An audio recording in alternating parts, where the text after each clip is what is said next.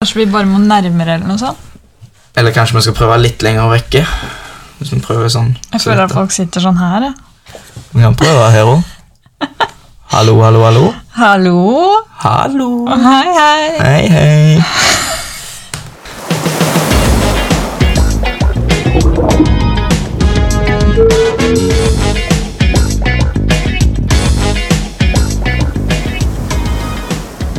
Velkommen, velkommen, velkommen. Velkommen til oss og vår fantastiske podkast. Ja, fantastisk Jan. Får håpe det.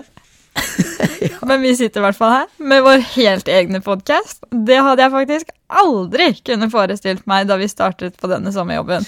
Nei, det var ikke akkurat det jeg så for meg heller. At eh, vi skulle gjøre det her i en sommerjobb i Sjøfartsdirektoratet. Eh, nei, jeg vet ikke helt hvor vi skal begynne engang, men siden dette skal være en introduksjonsepisode, så bør vi vel enkelt og greit starte med å introdusere oss selv. Ja, det, det er gjerne greit for både oss og for lytteren der ute, og jeg vet ikke mye alle da de har valgt å gå inn og høre på. Ja, det vil jeg tro. Så mitt navn det er da Marte Maria Tømterud. Jeg er utdannet energiingeniør med en bachelor i energiteknologi på Høgskolen på Vestlandet. Og nå tar jeg en master i energi og miljø, prosessteknikk, på NTNU i Trondheim. Og som dere kanskje hører, så er jeg fra Østlandet, nærmere bestemt et bitte lite sted kalt Skarnes. Det er det ingen som vet hvor det er, men jeg pleier å si at det ligger en time unna Sverige og en time unna Oslo. Men i sommer så bor jeg da i Haugesund og jobber for Sjøfartsdirektoratet sammen med deg, Oddgeir. Ja, og så du da nevnte, så heter jeg Oddgeir Steines. Jeg har en bachelor i marinteknikk fra Høgskolen på Vestlandet. Og så skal jeg begynne på master i Trondheim på NTNU etter sommeren. Jeg kommer jo mesten herifra, og det er bare rett over ei bru over til den rette sida. Så finner du mitt fantastiske hjemsted, som heter Karmøy.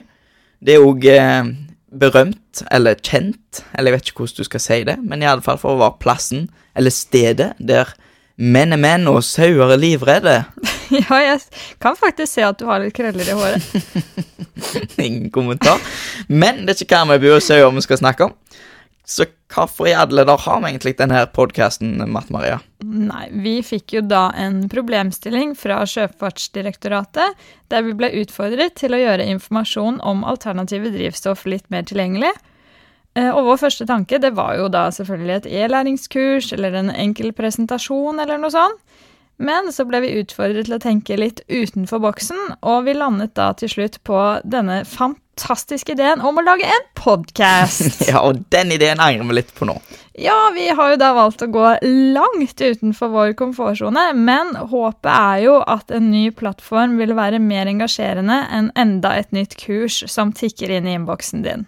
Ja, så sammen med Sjøfartsdirektoratet da, så skal jeg, og ikke minst du, Marte Maria, prøve å forklare folket hva som er greia med det grønne skiftet innenfor den maritime sektoren.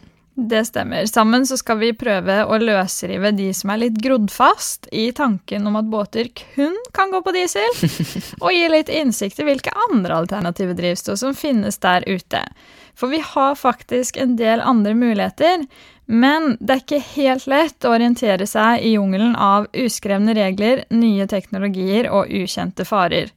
Men i denne podkasten så skal vi ta dere med inn i jungelen og utforske noen av de forskjellige alternative drivstoffene som finnes. Ja, og selv om vi har en del teoretiske kunnskap i bånn fra studiene, så er vi jo på ingen måte eksperter på det her. Nei. Og vi vet voldsomt lite om hvordan ting faktisk fungerer i praksis. Så derfor, i hver episode skal vi ha med gjester fra næringslivet som er eksperter på sine fagfelt, sånn at de kan guide oss to usle studenter gjennom jungelen. Ja, og Norge er jo tross alt verdensledende når det kommer til ny teknologi innenfor skipsfart.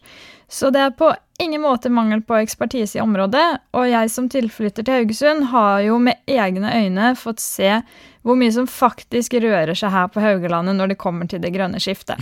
Ja, det er mange her med grønne fingre, faktisk. Nja, kanskje ikke om vi snakker om planteliv, men ellers så er jeg absolutt enig. Og da er det jo helt supert at vi kan bruke disse fagpersonene som en ressurs, slik at vi kan få svar på spørsmål rundt grønn teknologi. Ja, og hvis vi klarer å få en felles forståelse for hva alternativt drivstoff faktisk er, og hva den nye grønne teknologien her kan gjøre for oss, så er iallfall jeg voldsomt fornøyd. Ja, det er jo jeg òg. Samtidig så håper jo jeg òg at det, den podkasten her kan være en potensiell mulighet for å knytte litt vennskap og kjennskap mellom de ulike bedriftene her rundt forbi, og Sjøfartsdirektoratet, og ikke minst den vanlige mannen i gata. Sånn at i framtida så kan det være en lavere terskel for samarbeid. Ja, for å navigere inn i jungelen som alternative drivstoff er, så trenger vi så mange samarbeidspartnere som overhodet mulig.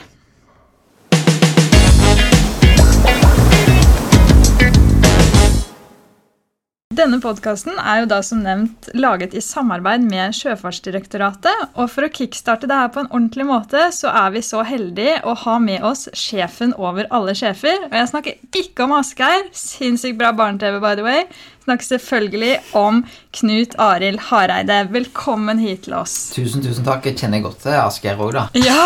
Jeg, pappa, så det er en del av min uh, verden, da. Ikke sant? Jeg må nok si at uh, Han er nok sjef på et litt høyere nivå enn deg. Ja. så du våger ikke sammenligne deg selv med Asgeir? Nei. Ikke helt ennå. Nei, men jeg syns jeg har det enda mer spennende enn Asgeir i Sjøfartsdirektoratet. Ja. Før vi hopper litt mer inn i hvorfor du er her, så kan vi jo kanskje få presentert hvem du er, for de stakkarene som enda ikke har fått med seg det. Så helt kort og konkret, hvem er egentlig du, Knut Arild? Ja, jeg eh, har vokst opp på Bømlo, og jeg har egentlig den maritime næringa å takke for at jeg er til. For på Bømlo der var det en motorfabrikk, og pappaen min han var på båt. Den båten fikk motorstopp, og da måtte han selvfølgelig til motorfabrikken for å få reparert den. Og mens de holdt på å reparere den båten, så ble pappa kjent med mamma. Som jobbet på motorfabrikken. Så så enkel er verden. Så jeg har mye å takke den maritime næringa for. Og så har jeg i mitt voksne liv egentlig gjort to ting før jeg kom til Sjøfartsdirektoratet. Det ene er at jeg har vært i næringslivet. Jeg jobba 28 år i noe som heter Schibsted, som er medieselskap. Og så har jeg brukt største del av mitt yrkesaktive liv til å egentlig være politiker. Mm -hmm. uh, og det har tatt eh, brått slutt ved valget i 21. Da satt jeg i regjering, og vi fikk ikke fornya tillit. Det skjer jo av og til med politikere, og vi tenkte ikke på å ta en sånn Trump. eh, på å si at vi skulle fortsette selv om vi hadde tapt. Eh, så derfor er jeg veldig glad for at, eh, at fikk, eh, jeg fikk muligheten å komme til Sjøfartsdirektoratet. Så det er egentlig en helt ny rolle. Nå er jo jeg en del av embetsverket. Det er jeg veldig stolt over. Eh, og så syns jeg det er kjekt å komme til Sjøfartsdirektoratet og den maritime næringa. Der er jo Norge eh, en stormakt. Eh, og vi er faktisk verdensledende akkurat, akkurat innenfor den utviklingen vi nå skal snakke om. Det er jo skikkelig spennende. Men hva er egentlig din motivasjon for det her, Knut Arild? Min motivasjon til dette er jo at den maritime næringa i Norge er jo en, en helt spesiell posisjon. Altså, vi, vi, der er vi en stormakt. Det er ikke vi på mm. så mange andre Nei, områder. Uh, og så er det jo at vi skal nå gjennom en forvandling. Vi skal nå klimamålene. Og da må òg denne næringa bidra med å nå målene både 2030 og 2050. Så det kommer til å bli store endringer. Men det er klart at uh, uh, jeg har For meg er det jo sånn at når jeg kommer inn og ikke kjenner fagfeltet, så tror jeg det er desto viktigere at jeg lytter på fagfolk og har respekt for at dette er et fagdirektorat. Og så at jeg bruker tida først og fremst på det jeg skal gjøre, og lede direktoratet.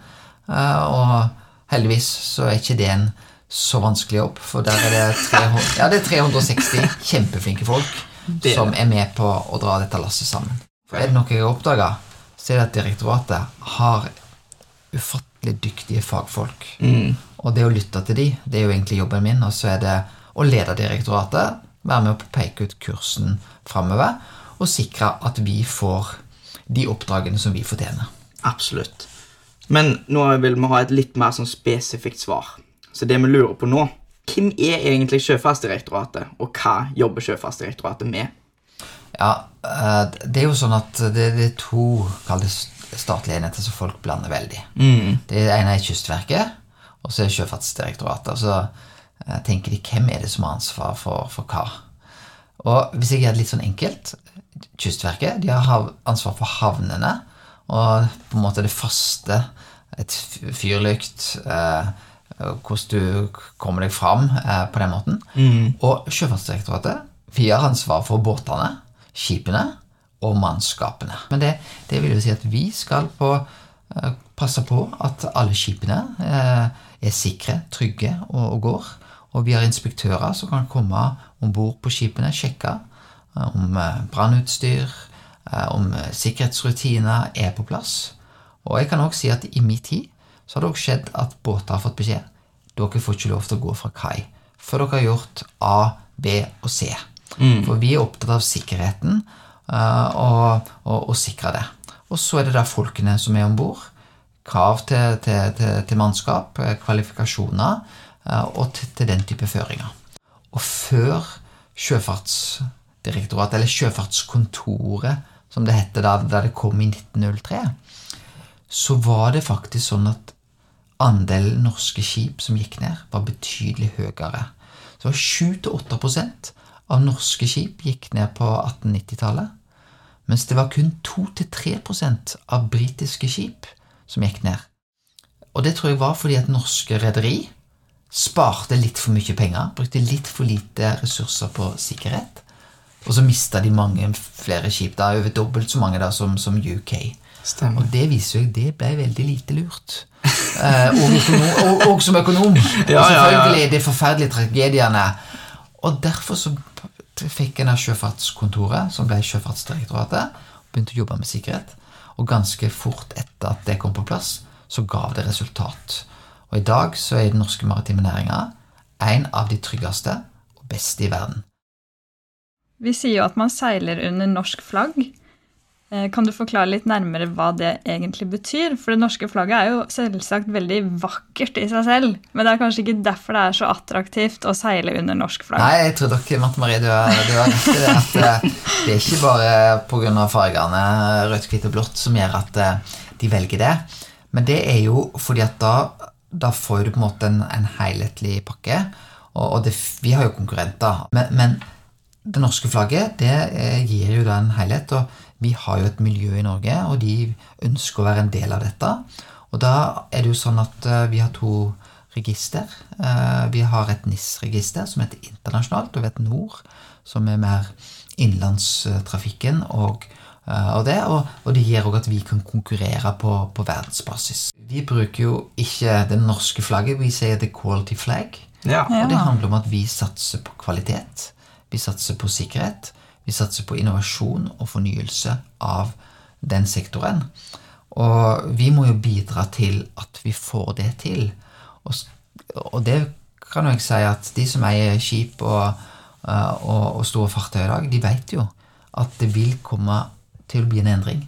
Den type utslipp som vi har, har i dag og har hatt tidligere, de kan vi ikke ha inn i framtida hvis vi skal gjøre noe med den klimakrisa vi har. Og da vet de at da må de fornye seg. Mm. Og da vil det være en fordel av å være knytta til det norske flagget, der vi ser at utviklingen er så positiv, og der mange som er knytta til oss, er så gode. Ja, det vi kaller verdensledende. For du kan jo tenke på sant, et reder sitt perspektiv, at eh, hvis de skal få seg de nye kontraktene Nå er det jo voldsomt fokus i det, et så hett tema da, med altså, alt av klimapolitikk og miljøvern og sånn som det. Så hvis de store rederiene skal få seg de nye og beste kontraktene, så blir de ofte utlyst til folk som kan seile under kvalitet, sånn som Norge, eksempel. Ja, og der tror jeg en utvikling som har gått akkurat i den retningen, Norge. Fordi at eh, Ta miljø da, og klima. Det blir jo lagt inn i flere og flere kontrakter. Det er noe med at vi ønsker ting som er bærekraftig. eh, det vi kjøper, eh, det vi skal gjøre. Ønsker, er vi mer som forbrukere mye mer bevisste på dette. Og det stiller krav til hvordan en transporterer ting. Og så skal vi jo vite det at uh, sjøfartsnæringa er jo Ja, det, det, det er for store utslipp i den i dag, men i et større perspektiv så er jo det den bærekraftige veien å gjøre ting på. Absolutt. Eh, Det er bedre at det går mye på sjøen, enn at det går mye på store trailere som slipper ut veldig mye på veiene våre. Så det er, vi, vi jobber med en bærekraftig næring som må bli enda mer bærekraftig. Hvis jeg skulle nevne ett prosjekt nå, som også er i et litt sånn kortere perspektiv, det er jo også dette som går på karbonfangst. Ja, absolutt. Eh, og, og muligheten for det, det Det vil jo ikke gjøre at du får nødvendigvis Da bruker du egentlig de drivstoffene som du har i dag, men du fanger CO2-en, og så lagra du den. Det har vært litt omdiskutert. Eh, Da jeg var eh, klima- og miljøvernminister, så husker jeg at på internasjonale konferanser så var det Det var på en måte litt omdiskutert fordi at eh, CO2-en eh, blir jo ikke helt borte. Nei, nei. Men jeg tror at forståelsen for at med den tidsperspektivet vi har nå til å løse klimakrisa, så er det nødvendig å tenke på den type ting. Så opplever jeg at folk er mye mer positive til det. Og på, på skip i dag så kan du da med en god karbonfangst så kan du altså redusere klimautslippene fra det skipet med 60-65% med dagens teknologi. Men bare karbonfangst, som, som ikke er et nullutslipp eh, Ja, ja. i dagens perspektiv, da, vil jo kunne gjøre at vi når målene om 2030, hvis vi hadde gjort det. Ja. Hydrogen, eh, ferja over Vestfjorden, som eh, vi må selvfølgelig være med å godkjenne og sertifisere før, før det går ut. Så de jobber nå, eh, Trollhättan jobber med, med prosjektet. Ammoniakkprosjektene, som er veldig spennende. Mm. Så de, de ligger nå ganske kort tid. Så det kommer til å skje veldig mye fra 2022 til 2026. Den fireårsperioden der, så er det en eh, Ja, som, eh, som KrF-politiker så var ikke jeg vant med å snakke om revolusjon. Men det er jo, det er jo, det er jo faktisk eh, det vi ser Rett og eh, slett. innenfor for denne sektoren. Det er jo veldig spennende å følge med. Ja. Så er det jo akkurat det du har sagt om at eh, du skal på en måte gjøre noe som allerede er bærekraftig, som den maritime industrien er, og så gjøre den enda mer bærekraftig. Og i et kortsiktig perspektiv så er jo carbon capture det er jo absolutt eh, hyperrelevant. Og det som også er så fantastisk, er at du kan jo igjen bruke den CO2-en til f.eks. å lage metanol, som jo er et alternativt drivstoff. Men det kan vi komme Det er litt teknisk akkurat nå, så vi kan komme tilbake til det. Ja, men det er et veldig godt poeng. Oddgeir. For at, at når vi snakket om carbon capture uh, noen tiår tilbake, Mm. så var det bare at vi skulle lagre den. Nå begynner vi å se flere alternativ. Så det gjør jo òg at hvis du kan komme enda videre, at ikke det er 60-65% men at du kan fange enda mer, så blir det jo desto bedre. Det kan nesten, det kan nesten bli en nullutslippsløsning på et mm. tidspunkt.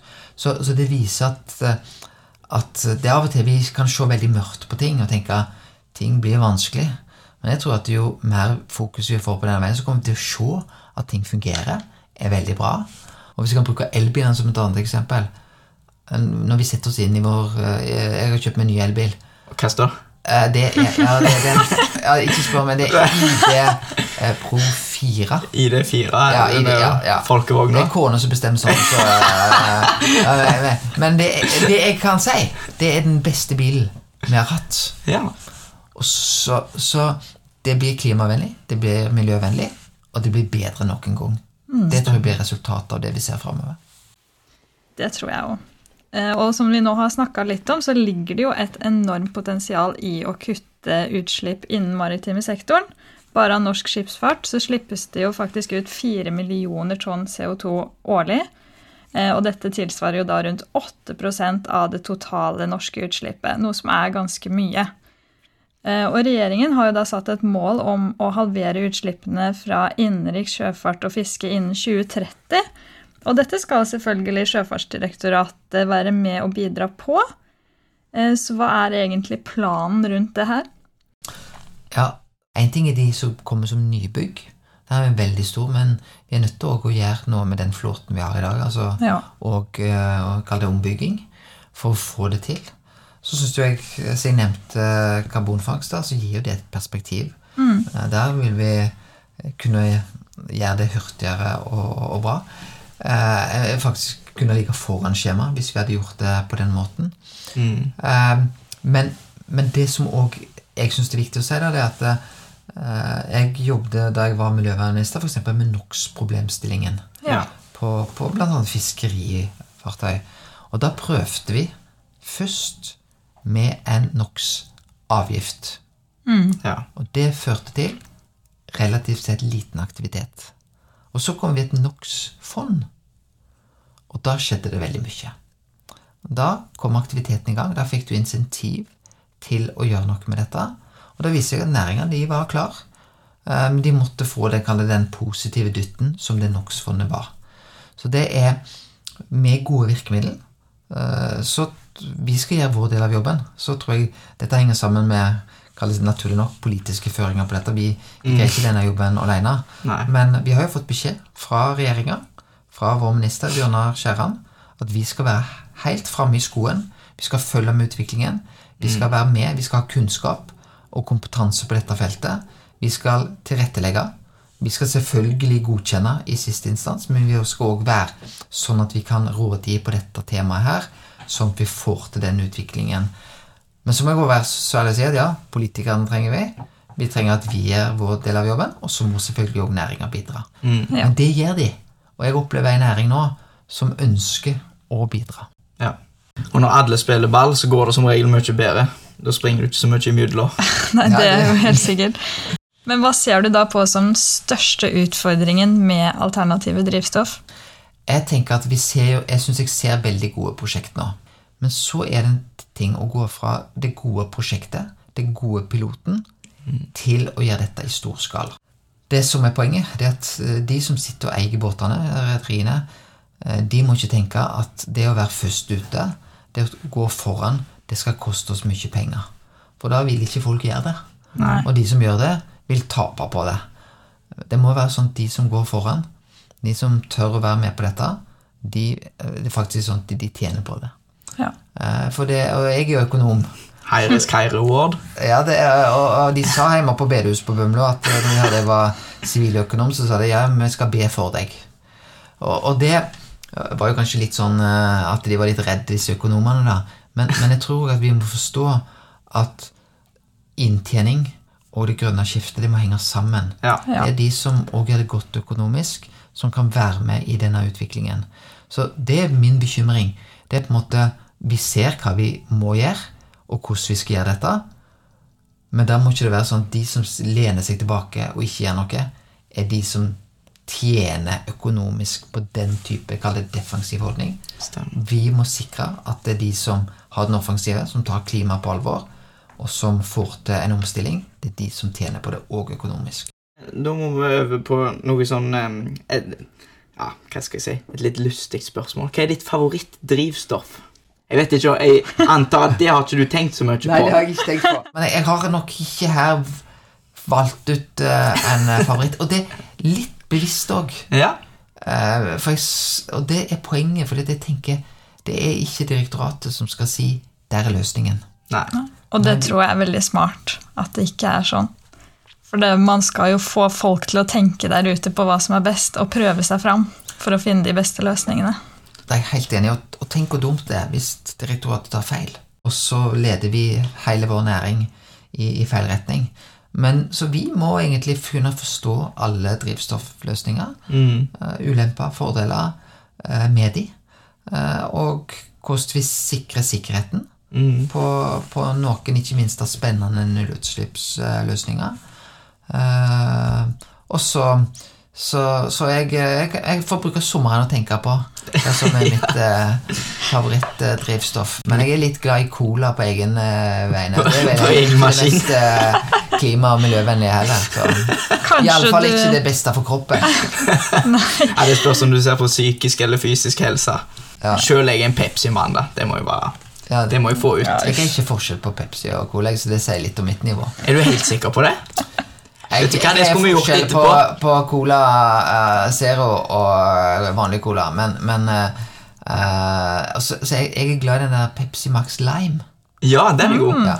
Vet du hva, Etter når vi er ferdige i studio her, hvis du har ti minutter, så skal vi filme en liten snutt til Instagrammen der vi tar en liten blind test på Cola og Pepsi. Det er jeg klar for. Ja, det er knallbra. Men jeg tenker vi skal runde av med fem kjappe, for det har jo du forberedt her, Oddgeir. Ja, jeg, har fem, jeg har fem sånn rolige kjappe til deg hvis du er gira på det. Alltid klar. Bil eller båt? Båt. Fotball eller Formel 1? Fotball. Byferie eller sydenferie? Byferie. Sjøfartsdirektoratet eller Stortinget? Sjøfartsdirektorat. Og til slutt Bømlo eller Karmøy? Bømlo. Nei! Nei! nei. Du er jo blitt en Karmøy-bu nå. Du må si Karmøy nå. Men det er fordi det ligger der det ligger. Eh, så det, jeg må være ærlig. Ja, det er bra, det.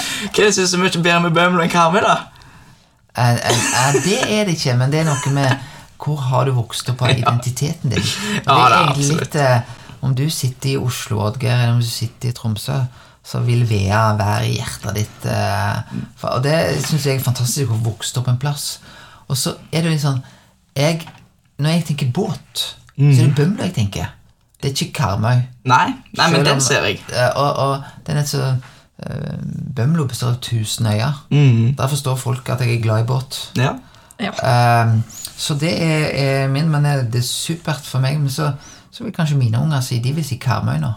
Du tror det? Vi får spørsmålet om eh, 20 år. Vi får håpe det. Nei da. Men jeg, så ble jeg litt Fotball eller Formel 1? Du, der var du jo ganske kjapp med fotball. Er Ja. du fotballfan? Eh, Nå har jo Formel 1 tatt helt av. Ja. Jeg er nok litt med på den bølga. Men, eh, men jeg, eh, jeg, eh, jeg er fotballmann, så uh, veldig Liverpool-fan. Oi! Så det har vært Da har vi noe til felles. Det har vært nytelse. Så er jo jeg òg Brann-fan. Er du Brann-fan nå? Så, så Hvordan kan du være det? Eh, Ja, det er fordi at jeg er født på Bømlo. Og, og når jeg var vokst opp der, så, så var ikke Haugesund i Nei, det- serien. Um, og Geirmund Brendesæter han gikk eh, litt over meg på gymnaset, og han spilte for Brann. Okay. Jeg følte en forpliktelse der. Og jeg sa til Kjell Magne Bondevik egentlig burde alle vi i KrF heie på Brann. og da begynte han å lure. Så sa jeg jo, fordi alle vi i KrF bør jo heie på de små og svake som ikke helt får det til her i livet. Der, eh, Den var fin. ja, det var, det var fin. Nei, men det er herlig. Uh, da tenker jeg at uh, vi har jo fått kickstarta denne podkasten vår på en riktig så bra måte. Og så Ja. gleder iallfall jeg meg til å utforske den grønne drivstoffjungelen videre i lag med deg, Marte Maria tusen takk for at du eh, var med oss, Knut Arild. Det setter vi store, store pris på. Det gjør vi. Tusen takk. Så kjekt å være sammen med dere. Takk for oss.